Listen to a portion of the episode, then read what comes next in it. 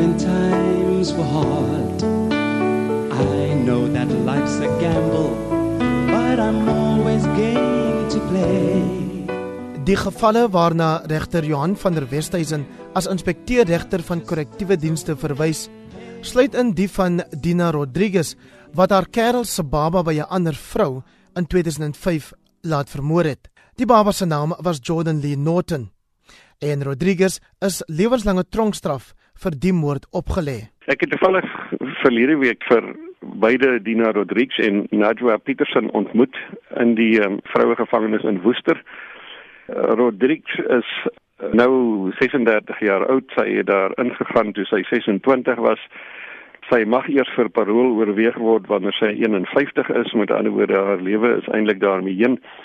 Soos wat ek verstaan het sy aanvanklik enige skuld ontken aan die moord. Uh, sy is skuldig bevind vind dat sy die moord gereël het op die 6 maande oue baba van haar kerel toe sy 26 jaar oud was. Uh, uit die bietjie wat ek met haar gesels het, sy het later in 'n appel met alles uitgekom en alles verduidelik en sy erken dat sy die baba vermoor het of laat vermoor het. Sy het 'n baie sterk en baie charmante persoonlikheid.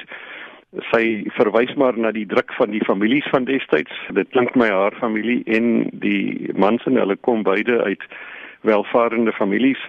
Dit lyk my die bestaan van die baba wat eh, 'n uh, breinkind was wat die man by 'n vrou gehad het was uh, volgens haar vir die familie 'n probleem en sê sy het gevoel dat daar druk op haar was om iets aan die situasie te doen. Sy is aantreklik, uh, baie intelligent, sy gee klas vir die ander mense in die tronk, sy het 'n graad behaal, maar sy is nie baie genee om oop te maak ten aansien van persoonlike emosies nie. Sy het 'n sekere soort van 'n wat vir my lyk 'n bietjie van 'n hardheid om haar om haar eie innerlike emosies te beskerm. Marieke Prinsloo wat 25 jaar tronkstraf opgelê is, was die meesterbrein agter die Creon piramide skandaal. Hierdeur het sy haarself verryk terwyl beleggers bankrot gelaat is en terwyl daar ook sprake was dat sommige hul lewe hieroor beëindig het. Vir Maritjie Prinsloo het ek nie self ontmoet nie. Sy was op soos wat sy en haar familielede, haar dogter en haar niggie en dan ook haar man is almal in Pretoria. Die dames in die vroue afdeling van Pretoria van Gossie Mampuru.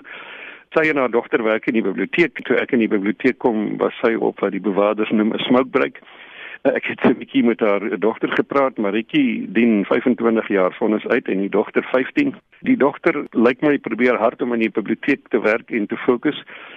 Soos baie van die gevangenes, vroue gevangenes wat ek in Gosimampuru gesien het, lyk sy maar 'n bietjie verwese en ehm um, haar houding is soort van ek sê nou dit nou miskien is dit vertroulik dalk moet ek dit nie sê nie maar sy voel dat die vonnis baie streng was. Uh, sy dink hulle het aanvanklik net 'n uh, besigheid begin maar uiteindelik erken sy dat sy wel besef het dit is verkeerd voordat hulle nou uiteindelik tronk toe was. Sy sê die tronklewe is maar hard en um, sy weet nie eers eintlik waarom te begin om dit te verduidelik nie. Hierdie hele proses van of mense remors of 'n uh, spyt uh, berou toon is 'n moeilike ene. Mens kan nie sommer in 'n paar minute se gesels daardeur sien nie. Die howe wil natuurlik hê dat jy berou moet toon terwyl jy reeds op verhoor is. Met ander woorde, jy moet erken wat jy gedoen het en jy moet sê ek is baie jammer en dit is verkeerd. So as jy nou 'n paar jaar later berou toon, soos byvoorbeeld Dina Rodriguez, dan gaan dit nou nie vreeslik indruk maak nie. Die Dina Rodriguez se indruk is nie dat sy oneerlik is nie. Sy maak 'n baie eerlike indruk maar sy gaan net tot op 'n bepaalde punt en is dan nie eintlik lus om verder te praat nie. Maar um, ja, haar lewe is in 'n groot mate nou daarmee heen en sy is 'n blyklik 'n baie talentvolle persoon. Soos met Dina Rodriguez het regter van der Westhuizen ook vir Najwa Petersen as charmant ervaar. Sy dien 28 jaar tronkstraf uit vir die moord op haar man, die musieklegende Talib Petersen in 2006. Mevrou Petersen is 'n is 'n geweldige charmante dame wat um, almal omhels wanneer sy hulle sien.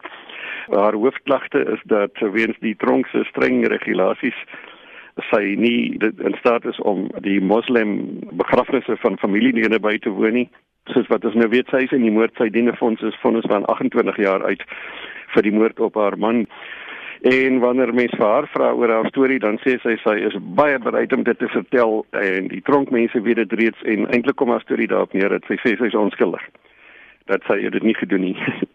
maar soos ek sê sy is 'n baie charmante ouer dame en ek weet nie of party mense haar as manipulerend sou beskou nie, maar ek dink mense moet aanvaar dat omtrent elke persoon wat in die gevangenis is sal hulle talent gebruik of hulle talent nou charme is of intelligensie of misdaad koneksies maar hulle probeer maar bykans almal probeer maar heeltyd hulle talent gebruik om hulle eie lot te verbeter.